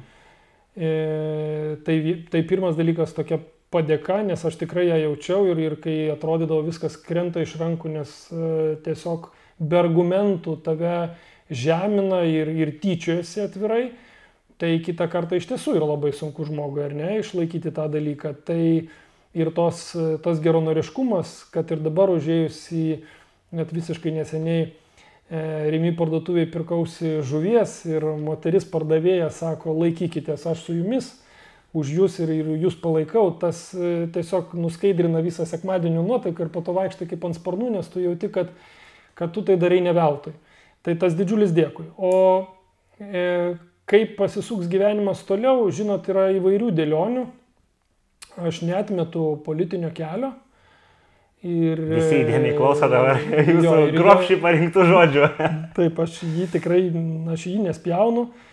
Tačiau e, vis tik tai tas politinis kelias yra labai sunkus ta prasme, kad jis, mm, e, žinot, ne tik, kad bijai atakų ant savęs, bet bijai atakų ant savo šeimos visų pirma, bjaurių iššokimų. Nenoriu dabar veltis į diskusiją, bet tokių atakų buvo ir per pandemiją, jau net į mano šeimos narius. Mhm visiškai nepriimtina ir į mažamečius netgi. E, tai e, tas e, iš tiesų verčia mąstyti ir svarstyti, ar mm, tai ta auka yra verta, nes man svarbiausia yra užauginti savo vaikus. Ir jeigu pavyktų tai suderinti, tai būtų vienas atsakymas, jeigu aš matysiu, kad to mm, nepavyks suderinti ir aš negaliu užauginti savo vaikų laimingų, kad e, tai yra, tai mano supratimu, tai yra per didelė auka. Iš kitos pusės, e, pats asmeniškai aš galiu priimti, aš jau užsiauginau pakankamai storą odą, aš tiesiog į tos žmonės, kurie atakuoja, žemina ir, ir tyčiojasi žvelgiu su gailėšiu, su atjauta tam tikrą. Kaip krikščionis. Krikščioniškai, žando antro neatsuku, aš įsidėmiu juos, gal čia nesu labiau senai testamentą. Senai testamentą. Senai testamentą. Bet, bet, vis tik tai, bet vis tik tai žiūriu su gailėšiu, kad jie nesugeba e, argumentuoti tinkamai ir bet kokius argumentus e, persmelkia pagėžą ir nepykantą. Tai, žinot, e, nusakoma taip į politiką, nueisi negali nesusitepti, aš šito labai noriu išvengti. Iki šiol gebėjau tą išvengti, e, laimėdamas advokatų tarybos pirmininkų rinkimus pirmą kadenciją išėjau kaip absoliučiai nepriklausantis jokiai interesų grupiai advokatūrai. Advokatūra apskritai yra tokia, jeigu taip atskleis paslapti, yra tokia kaip didelė politinė organizacija ta prasme, kad joje yra labai daug interesų. Vieni per kitus interesai. Tai gal tuo metu tiesiog interesų grupės nesusitarė, įvyko atsitiktinumas. Išėjo daug kandidatų, ten, ten reiškia daug interesų įvairių, taip. Ir ko gero taip atsitiko, kad kai daug interesų ir daug interesų grupių skirtingus kandidatus ir skirtingai ten dėlioja, išeina toks nepriklausomas, sako, aš, o aš va toks va esu ir, ir man norisi tiesiog, kad advokatūra veiktų tinkamai, kad jinai būtų aukščiausio lygio organizacija Lietuvoje. Ir pavyko laimėti. Tai jeigu kartais aš pasirinkčiau politinę karjerą, mano šūkis būtų būtent toks. Nepriklausomas. Taip. Nu, aišku, klausimas čia vėlgi, matyt, yra ankstyvas, bet mes paklausim taip iš kitos pusės. Kaip jums ta politinis spektras Lietuvoje atrodo? Ar jūs jaučiat, tarkim, kasme, kokios politinės pažiūros, su kuriomis būtų galima bendradarbiauti, aš manau, politinės jėgas, jeigu kartais pasisuktų jūsų, žodžiu, tolimesniai veiksmai, žodžiu, politinės karjeros linkme? Žinot, gal dabar ankstyvas kelias tą atsakyti, kokios politinės partijos, e, su kuriuom galima būtų bendradarbiauti. Tai taip supras turim, kad su Tevinė sąjunga irgi galėtumės bendradarbiauti. E, vėl, nu, sakau, čia labai ankstyvas klausimas su Tevinė sąjunga bendradarbiauti, kai mane jie deda į šuns dienas, tai čia jau reikia savigarbos turbūt neturėti. Nes e, po mano kalbos keturi ministrai, jeigu pamenat, išėjo, išėjo ir pasakė, koks jisai yra, koks yra nekadėjas ir kalba niekus, ar ne? Nu, man teko girdėti iš vieno garbaus Tevinės sąjungos asmens, kad jis, jis neišėjo, žodžiu, vien dėl to, kad jam yra tekę, žodžiu, e, kažkokiam kitam gyvenimo etape jūs matyti ir, ir, žodžiu, ir jis, jam tai užstrigo kaip specialistas, e, kuris nuo aukštumoje ir jisai, žodžiu, Tai, jei, tai aš esu įstikinęs, kad ir Tevinės sąjungoje yra atskirų politikų, kurie yra dori ir siekia. Bet e, klausimas, ar priklausomas tam tikrai politiniai organizacijai ne, neuždeda tam tikro jau įsitikinimų bloko. Čia labai didelis klausimas yra. Ir... E, nu, prezidento rinkimus e, labai nekonstruktyvus būtų judesys susisieti su viena politinė organizacija. Ne, tai čia net, o dar tokia. Čia, čia, net, čia net, ta prasme, tai aš vėlgi sakau, čia tikrai ankstyvas tas klausimas bet su konservatorių ar su, su, su liberale, aš juos vadinu, vėlgi, žiūrėkit, Lietuvos žiniasklaidai ir politikai, politologai, atsiprašau, įvardina juos kaip dešiniaisiais, ne? Jie yra kairieji. Ir aš niekaip nesuvokiu, kodėl uh, žiniasklaidoje nu, nėra pakeičiama yra, yra, yra sakoma, kad ideologiškai jie yra galbūt kairieji, tai. o ekonomiškai jie labiau į dešinę. Va, nu, rinkos liberalizavimas. Palaukit, tai demokratai Amerikoje yra kairė ar dešinė?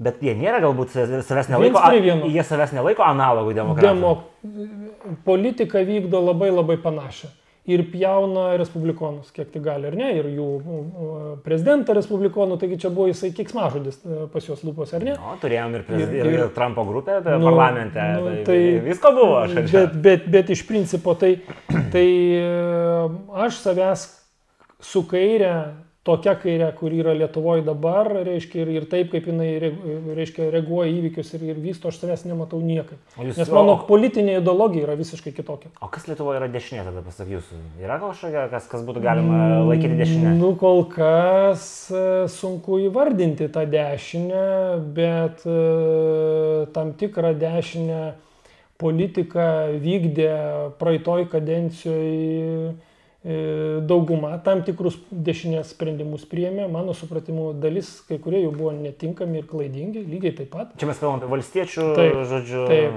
taip, tai, bet jie vykdė dešinę politiką, nemažoj daly. E, tai dabar, o kas dabar yra, reiškia, ten, ten Seime, nu tai žinot, pas mus iš viso pakrikimas yra toksai. Tai jeigu, jeigu kairė vykdo konservatoriai, ir socialdemokratai lygiai taip pat, ir liberalai, abi partijos, tai, nu, tai kas ten lieka, reiškia, dešiniai, reiškia, tai ko gero mes turim vakumą, jeigu taip labai nuoširdžiai sakyt, mano supratimu, Lietuvoje dešinės politinės, stiprios dešinės politinės jėgos yra vakumas. Nes vad ką aš noriu replikuoti, kad e, tiek dabartiniai demokratai, kurie yra mūsų parlamente įsisteigę, tiek valstiečiai, jie save laiko centro kairės politinė jėga. Tai taip reikėtų išėti, kad mes dešinės ir nelabai turim. Nu, tai žinot, man taip, sakau, man čia tas iš viso skirstimas yra unikalus Lietuvoje, nes e, visada reikia paklausti, pagal ką jūs tai skiriat, pagal ideologiją. Ar tai sakot, ideologija ir, ekonomi, ir, ir finansiniai sprendimai atsiskiria? Ne, neatsiskiria. Pas demokratus JAF neatsiskiria jie. Demokratai didžiai palaikymo dalį turi iš liberalų, liberalaus rinkėjo. Ir tas matosi statistiškai, kai jie, kai jie daro apklausas. Mm, tai nežinau, aš tai labai nenorėčiau lysti giliai į tas politinės peripetijas, kol dar pats e, neapsisprendžiau eiti į politiką, bet vienareikšmiškai aš savęs negaliu matyti ir, ir, ir, ir, ir, ir man būtų ypatingai sunku bendradarbiauti, ko gero, greičiau pasakyčiau, net neįmanoma su tom politiniam jėgom, kurios, na, E, pažydžia žmogaus teisės ir laisvės. Ir pažydė jas tokiu būdu, kokios jos buvo pažydėjamos 21 metais. Ir e, dargi e, taip agresyviai puolė tuos, kurie bandė pasakyti, dėmesio, žiūrėkit, kas vyksta.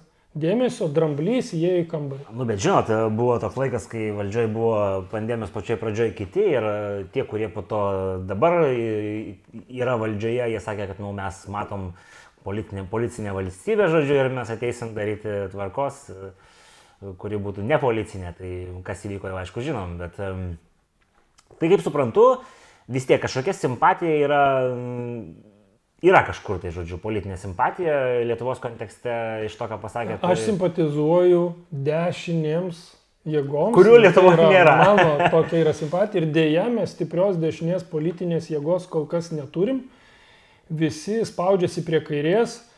Mm, aš manau, mes turim turėti stiprią dešinę politinę pakraipą, bet vienintelis, kur reikėtų ją šiek tiek taisyti ir šiek tiek ją e, koreguoti, nes ta politinė kairė, jinai vėlgi vykdo liberalę, ypatingai liberalę ekonominę politiką. Tai ekonominiai politikoje vis tik tai mes turėtumėm prie dabartinės Lietuvos situacijos mes turėtumėm būti labai atsargus ir e, turbūt vat, vieninteliai vietoj, kur galėtų būti kairės įtaka. Tai jūs krikdemas, aš tuo klausau, jūs iš... Nu, aš, jeigu taip jau žiūriu. Aš toks buvau kažkada, reiškia, ir, ir širdį aš toks likau. Politiškai aš e, esu dalyvavęs krikščionių demokratų e, sąjungos, po to partijos veikloje, iki susijungimo su konservatoriais. Ir aš toksai ir lygau širdį, ta prasme, aš, aš pripažįstu tas vertybės, kurios yra uh, kurios yra tokios mm, būtent, būtent tos. Būtent tas. Nu, gerai, tai paklausim tada tokio šiek tiek komiško klausimo, tai koks bus naujos partijos pavadinimas? Nes, nu, akivaizdu, partijos nėra, reikėtų, yra, kaip suprantu, ir, ir bendraminčių vienas kitas visi, kurie socialinius tinklus naršo, matyt, galėtų jų vardinti kokius penkis, e, žodžiu, bendražygius, su kuriais galėtumėte pradėti kurti politinę jėgą. Tai ar tokių minčių nebuvo? E, čia yra pandemijos pats fantastiškiausias dalykas. Šalia tos pagėžos, neapykantos ir bjaurasties aš įgyjau fantastiškų kolegų, draugų, su kuriais malonu susėst kavą išgert, su kuriais labai faina pabūt, su kuriais jauti bendrumą tame, kad svarstai argumentais ne visada sutinka. Ir prie viduržėmio jūros galima nuvažiuoti. Visur galima. Tai va čia yra fantastiškiausias dalykas, kuris įvyko pandemijos metu. O atsakant į jūsų klausimą, tai atsakysiu. Klausimas taip, ne mano, klausimas tai yra žiūrovo. aš ateisiu jūsų laidą ir mes kartu pasvarstysim, koks bus tos politinės partijos pavadinimas, jeigu tos klausimas iškils. Mhm. Supratau. Tai gerai, žodžiu, manau, kad nespauskime labai šito klausimo, nes dar matyti bus laiko. Dar va tokį vieną bjaurų klausimą paimsiu, žodžiu, bjaurų klausimą paimsiu pabaigai. Kažkas iš, iš mūsų sėkėjų yra matę, kad e, jūsų kažkokį teiginį, kad Paleckio byla jums kelia daug klausimų. Ar buvo jūsų kažkoks teikinys apie Paleckio bylos, žodžiu, čia kalba matyti apie jo šnipinėjimą, nu, šnipinėjimas iš valstybės, žodžiu, ir, ir ar, ar kažkokį komentarą kažkur esat padaręs, nes gali būti, kad aš, aš to komentaro nemačiau, tai tiesiog... E, tai čia ko gero išimtas iš konteksto ir supainiota tas, kas yra mano sakyta, aš esu sakęs. Mhm. E, dėl vieno dalyko man kėlė abejonių iki teisminis kalinimas šio asmens. Mhm. E, bylos su byla mes esame nesusipažinę, bylos mes nematę, mes turim pasitikėti teismais. Dabar mes turim ką nuteista pirmą instanciją ir apeliacinė instancija. Dabar, kiek aš žinau, laukia kasacinis teismas, tai mes turėtume minimum ko padaryti, tai sulaukti kasacinės instancijos vertinimo, ar tas asmo yra padaręs nusikaltimą valstybei, pabrėžiu, čia nepaprastas nusikaltimas, tai yra nusikaltimas valstybei, kuom yra kaltinamas šis asmo.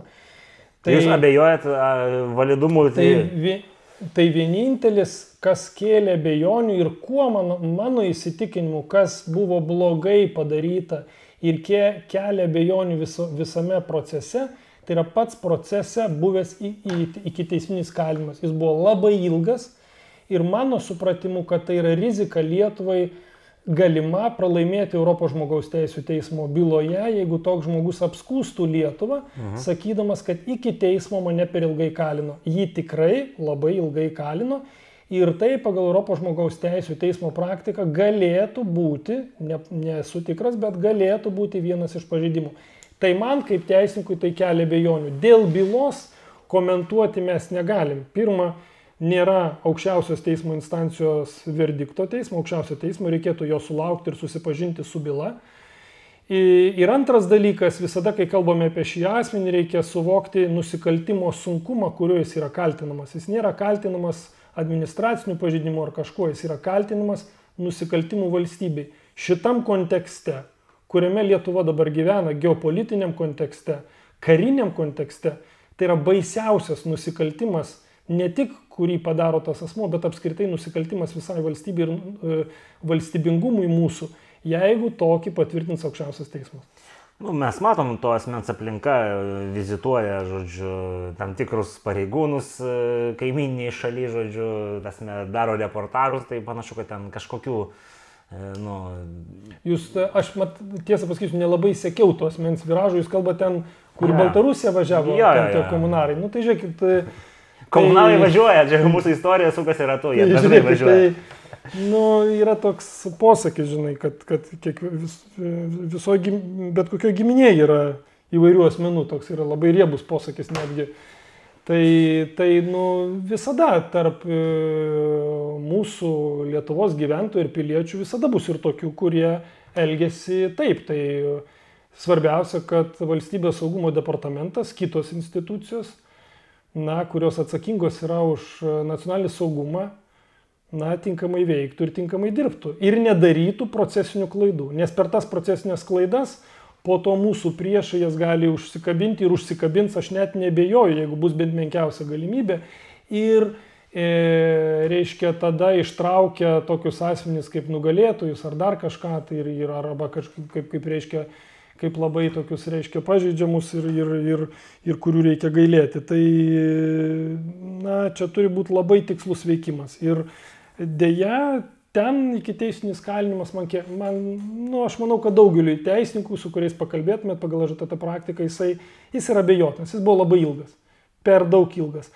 Na, daug dievė, jeigu išanalizavus e, teis e, ŽTT praktiką tai, ir, ir pateikus duomenys, kodėl tai buvo daroma, bus pakankamai duomenų, kad jis buvo tinkamas ir tikslus. Tada viskas ok, bet pradinės abejonės yra. Nu, okay, kad nepabaigtume tokiu niuriu, tai pabaigsim dar niuresniu tada. Vienas iš mūsų patronų klausia, žodžiu, čia jūs vat, užsiminėt, procesiniai dalykai Lietuvoje kartais būna negerai, ne, ne žodžiu, vedami ir sukelia valstybėje, žodžiu, nesklandumų.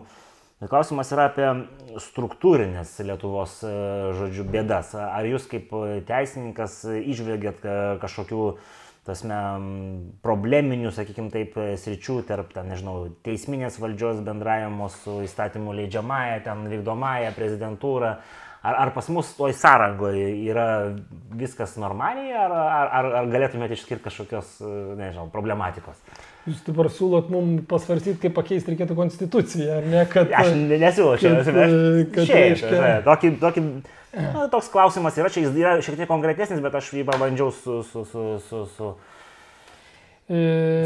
Į tą klausimą atsakyti, ko gero, yra mm, nu, mes, sudėtinga. Mes turėjom, tarkim, vat, mhm. situaciją, kai teisėjai skiriami yra labai labai ilgai dėl kažkokių politinių kovų, ten, tasme, skirtingose valstybėse skirtingai Taip. jie skiriami yra, tai vat, aš ir, ir klausiu maždaug tam kontekste, žodžiu, kaip jums atrodo.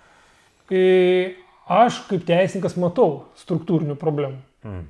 Tai vienareikšmiškai, tai e, jeigu kalbėt apie tą artimiausią man sritį, tai yra apie teisę, taip, tai aš matau problemą pagrindinę, kad teismas privalo būti nepriklausomas ir politinė valdžia privalo nesikišti į teismo darbą. Ir tame tai čia tarpe, prezumuojam, kad kišasi. Tame tarp ir skirdama teisėjus, mano supratimu, tuose skirimuose yra įvairių niuansų, kurie... Bet tengi skiria vieni ir kiti ir treti, tai gaunasi toksai... Nu, aš turiu labai akivaizdžių pavyzdžių, kai teisėjai, kurie yra aukščiausios prabos, turi savo nuomonę ir nei mes, nei aš, nei bet kas kitas neįtikintumėm jų, jie turi savo labai aiškę poziciją, jie tiesiog yra neskiriami, nes jų pozicija yra per griežta jų asmeninė. Tiesiog jie vadovaujasi teisė tai, kas parašyta. Matyt, norima, kad jie skaitytų daugiau negu kas parašyta pagal tai, kas yra politinių partijų, reiškia, programinėse nuostatose. Tai man tokie veiksmai rodo, kad politikai nori valdyti teismus ir tai yra klaida. E, man nepatinka ir santykis e, prokuratūros nepriklausomumo. Prokuratūra turi būti nepriklausoma maksimaliai. Nieko nenoriu sakyti, bet e, e, galbūt prokuratūra galėtų ir viešą interesą kada nors pradėti ginti. Ne tada, kai jos paprašo, tada, kai mato, kad yra viešas interesas pažeidžiamas. Mhm. Turbūt negirdėjot jokio rimto fakto, kada prokuratūra pati savarankiškai imtų viešą interesą gintis, kai to nenori politinis, e, politinė valdžia. E, prezidentūra ir Seimas e, arba vykdomoji valdžia šituose santykiuose, nu žinot, tai yra konstituciniai normatyvai jau įtvirtinti. Gaila, kad prezidentas nesinaudoja kai kuriais konstitucijoje įtvirtintais teisėmis, tą mes matėm per pandemiją, kai prezidentas galėjo iš esmės, kabutėse, stabdyti vyriausybės nutarimą, kuris mano įsitikinimu pažeidė žmogaus teisės ir laisvės, tą galimybių pasą prezidentas nedarė to, nors jis yra e, užtikrina teisėtumą visos e, vykdomosios valdžios. Bet kokiu, kokiu mechanizmu jisai galėjo vyriausybės kreiptis į, į konstitucinį teismą. Mhm. E, jis to nedarė, tai man... Gal jis žinojo, kuo tai baigsis? Nemanau, tai žiūrėkit, ko gero nei vienas mes nežinojom, nes baigėsi tuo, kad vyriausybė prieš konstituciniam teismui ėmus svarstyti tą dalyką panaikino galimybių pasą. Beje, viena pirmųjų valstybių, kuri panaikino galimybių pasą, ačiū visiems, kurie kartu kovojo prieš šią priemonę. Mes buvom viena pirmųjų valstybių, mes taip pamirštam labai greitai faktą. Aš sakau, tai ką jūs padarėte, tai kam čia reikėjo kalbėti, mes pirmieji praktiškai, nu ne pirmieji, vieni pirmųjų, kurie panaikinome šitą nesąmonę, kuri buvo, na, dalyje Europos valstybių vedama per prievartą ir taip toliau. Ten atsimenat, kaukės mokyklose irgi lygiai tas pats situacija, teismas pradeda svarstyti, nukerta reiškia tą reguliavimą iš karto pati valstybė. Tai prezidentas galėjo anksčiau tai padaryti, na, tam reikėjo dar papildomai 2,5 mėnesio, 2 ar 2,5 mėnesio e, mūsų, mūsų žmonių, aš vadinu tai kančiomis, nes daliai tai buvo kančia gyventi uždarytam ir negalėti nueiti nei į parduotuvę, nei realiai iš, išvykti į, reiškia, į, į bet kokią kitą pramogą ar net apsipirkti kitą kartą. Tai, tai ten aš matau sankį, bet čia vėlgi čia konstitucija liktai šitoj vietoje tvarko tinkamai ir sudėlioja visą faktažą. Tik tai, kad ko gero tinkamai nėra naudojamas. Dabar klausimas, kodėl tinkamai nesinaudoja. Tai vėlgi čia ko gero kalbėti reikėtų apie tai, kad prezidentas na, su Seimu ir vyriausybė tame tarpe m, veikimo laikotarpiu turbūt pasirašo tam tikrą na, sutarimo sutartį, kabutėse, aš taip ją įvardinu. Nes jeigu prisimintumėt iki pandeminį laikotarpį, iki pat 21 metų rudens, prezidentas buvo atakuojamas tiek e, vyriausybės, tiek ir politikų Seime valdančiosios daugumos.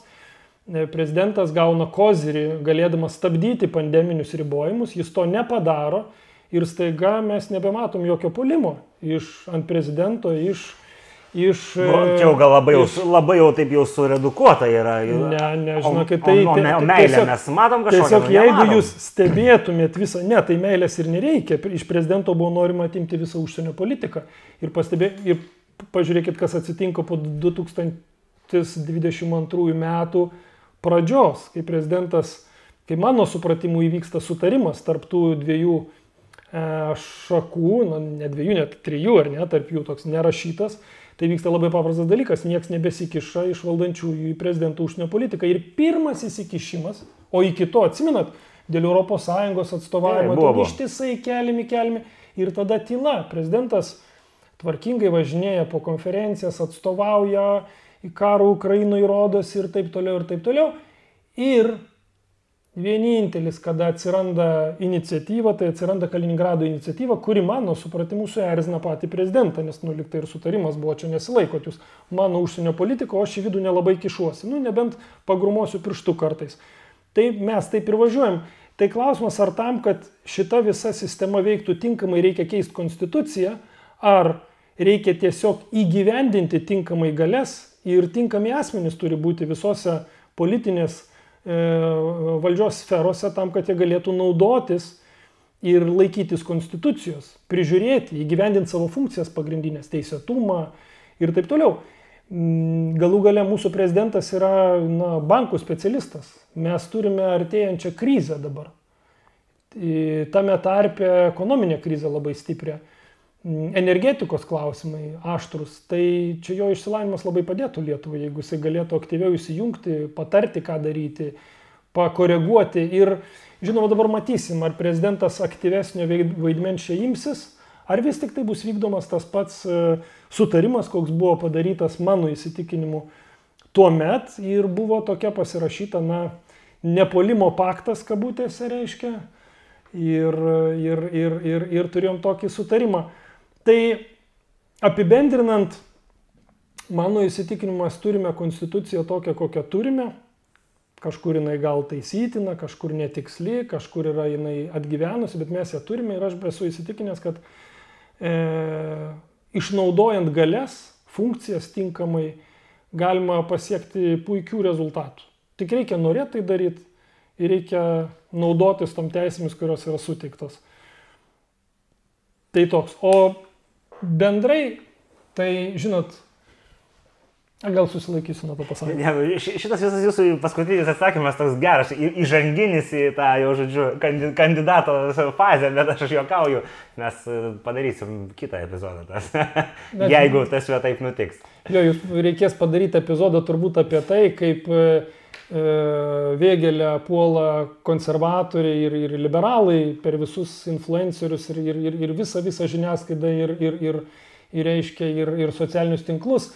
Ir šalia atsiranda polimas e, iš kitos pusės visiškai, nes aniem aš esu rusų agentas, buvau daromas bent jau, nu neprilipo ta etiketė, bandoma lipdyti buvo etiketė, nežinau, gerus e, pusę metų, neprilipo etiketė Tai tada buvo bandoma priešingai etiketę per, per kitą galą užkabinti, kad aš esu Amerikos agentas, nes pasirodė, reiškia, ir, ir, ir reiškia, tos ultra, reiškia, ten jau tokių pasisakymų, kad aš pasirodau esu Amerikos statytinis ir agentas, dabar man kitą e, lipdo etiketę. Nu įdomu matyti, kiek tų etikečių dar bandys prilipdyti.